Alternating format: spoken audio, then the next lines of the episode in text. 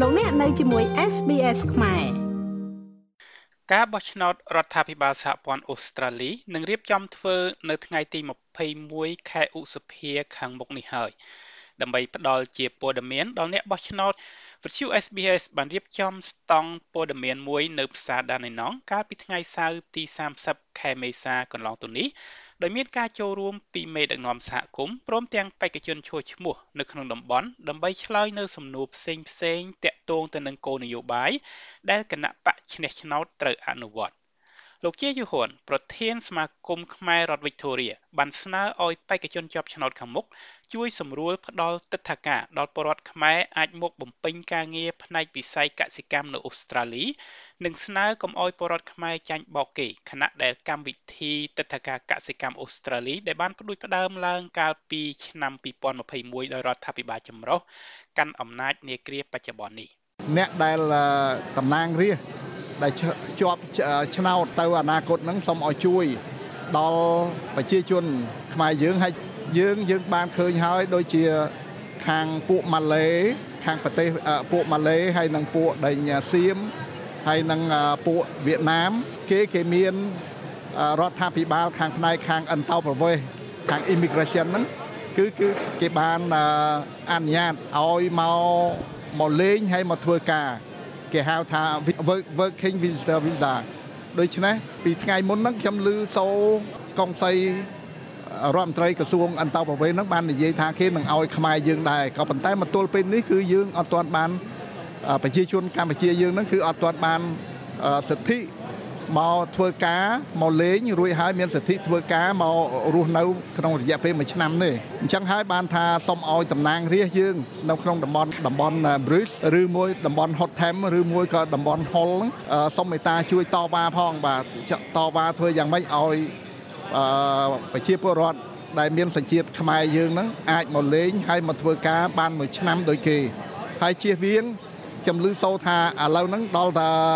មិនទាន់នឹងមានផងគឺនៅប្រទេសកម្ពុជានោះហើយជាពិសេសគឺបច្ចុប្បន្ននេះឮសូរថាមានគេទាលុយរហូតដល់15000ដុល្លារដើម្បីគ្រាន់តែធ្វើពាក្យមក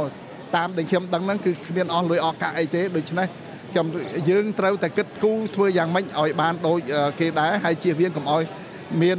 មនុស្សខលខូចទៅយកលុយយកកាក់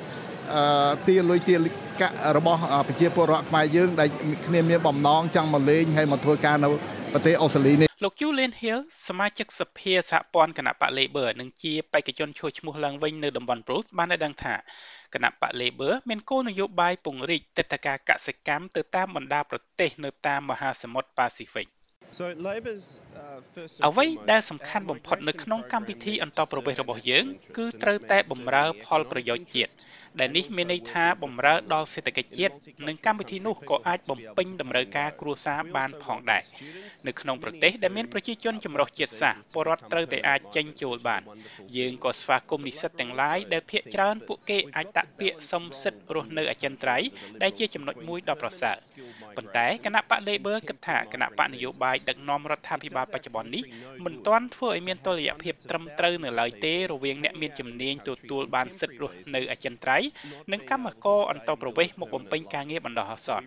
វាជាប្រការមិនប្រសើរសម្រាប់ប្រទេសយើងដែលមានកម្មករអន្តរប្រវេសន៍រាប់ម៉ឺនសែននាក់កាន់ទឹកថាការបណ្ដោះអាសន្នប៉ុន្តែគេគ្មានវិធីក្នុងការស្នើសុំស្នាក់នៅដើម្បីកសាងជីវិតជាអចិន្ត្រៃយ៍នៅទីនេះយើងទទួលស្គាល់ពីតម្រូវការកម្លាំងពលកម្មជំនាញព្រមទាំងកម្លាំងពលកម្មផ្នែកកសិកម្មប៉ុន្តែយើងក៏ចង់បានផ្លូវដែលអនុញ្ញាតឲ្យពួកគេដាក់ពាក្យស្នើរស់នៅអចិន្ត្រៃយ៍សម្រាប់កម្មករជំនាញដូចនេះពួកគេមករស់នៅ គេរួមចំណែកកសាងប្រទេសនិងកសាងជីវិតនៅក្នុងប្រទេសនេះដោយដែលពលរដ្ឋខ្មែរជាច្រើនបានធ្វើអញ្ចឹងដែរនៅពេលសួរថាតើគណៈបក Labor នឹងបោះបង់កម្មវិធីតេតកាកសិកម្មនេះឬយ៉ាងណាលោក Julie លោក Julian Hill បញ្ជាក់ គោលនយោបាយគណៈបក Labor គឺសំខាន់បំផុតពង្រីកកម្មវិធីទឹកតការកសិកម្មនេះនៅក្នុងកម្មវិធីការងារតំបន់ Pacific ប្រទេសកម្ពុជាមិនទាន់បានចុះ MOU ជាមួយអូស្ត្រាលីនៅឡើយទេដែលនេះហើយជាបញ្ហាមួយរបស់លោក Scott Morrison គណៈបកកណ្ដាលអំណាចសប្តាហ៍ថ្ងៃនេះតែងតែធ្វើការប្រកាសពីគម្រោងការផ្សេងផ្សេងប៉ុន្តែពិតប្រាកដនោះគឺគេមិនធ្វើទេ គេបាននិយាយថាគេនឹងធ្វើនេះធ្វើនោះប៉ុន្តែគេមិនបានធ្វើអ្វីនោះទេដូច្នេះគណៈបក Labor ផ្ដោតលើកម្មវិធីការងារនៅតំបន់ Pacific ដែលការចាត់ចែងផ្សេងផ្សេងតាក់ទងនឹងទឹកតការកសិកម្មនឹងត្រូវពិចារណាជាផ្នែកមួយនៃកម្មវិធីនេះ អ្វីដែលគួរឲ្យចាប់អារម្មណ៍នោះគឺសហព័ន្ធកសិករនៅរដ្ឋ Victoria បាននិយាយថាគណៈបក Labor មិនបានពិភាក្សាជាមួយនឹងម្ចាស់ចំការនិងក្រុមហ៊ុនកសិកម្មសំខាន់ៗក្នុងរឿងនេះឡើយរីឯសហព័ន្ធកសិករជាតិវិញក៏បាននិយាយផងដែរថាផែនការទាត់ចោលកម្មវិធីទឹកតការកសិកម្មនេះអាចជាការមើលងាយដល់កសិករអូស្ត្រាលី សូមបញ្ជាក់ថាគម្រោងទឹកតការកសិកម្មដែលបានផ្ដួចផ្ដើមឡើងដោយរដ្ឋាភិបាលចម្រុះកាន់អំណាចគ្រាបច្ចុប្បន្ននេះមកទល់នឹងពេលនេះមានតែប្រទេសវៀតណាមមួយគត់នៅក្នុងសមាគមប្រជាជាតិអាស៊ីអាគ្នេយ៍ហៅកាត់ថាអាស៊ានបានចុះហត្ថលេខាលើកិច្ចព្រមព្រៀងទ្វេភាគីជាមួយនឹងអូស្ត្រាលីតែនៅក្នុងកិច្ចព្រមព្រៀងនោះគ្មានបញ្ជាក់កំណត់ពីពេលវេលាឬចំនួនកសិករកម្មករវៀតណាមប៉ុន្មាននាក់ដែលនឹងមានភ័ព្វវាសនាមកធ្វើការនៅក្នុងប្រទេសអូស្ត្រាលីនោះឡើយ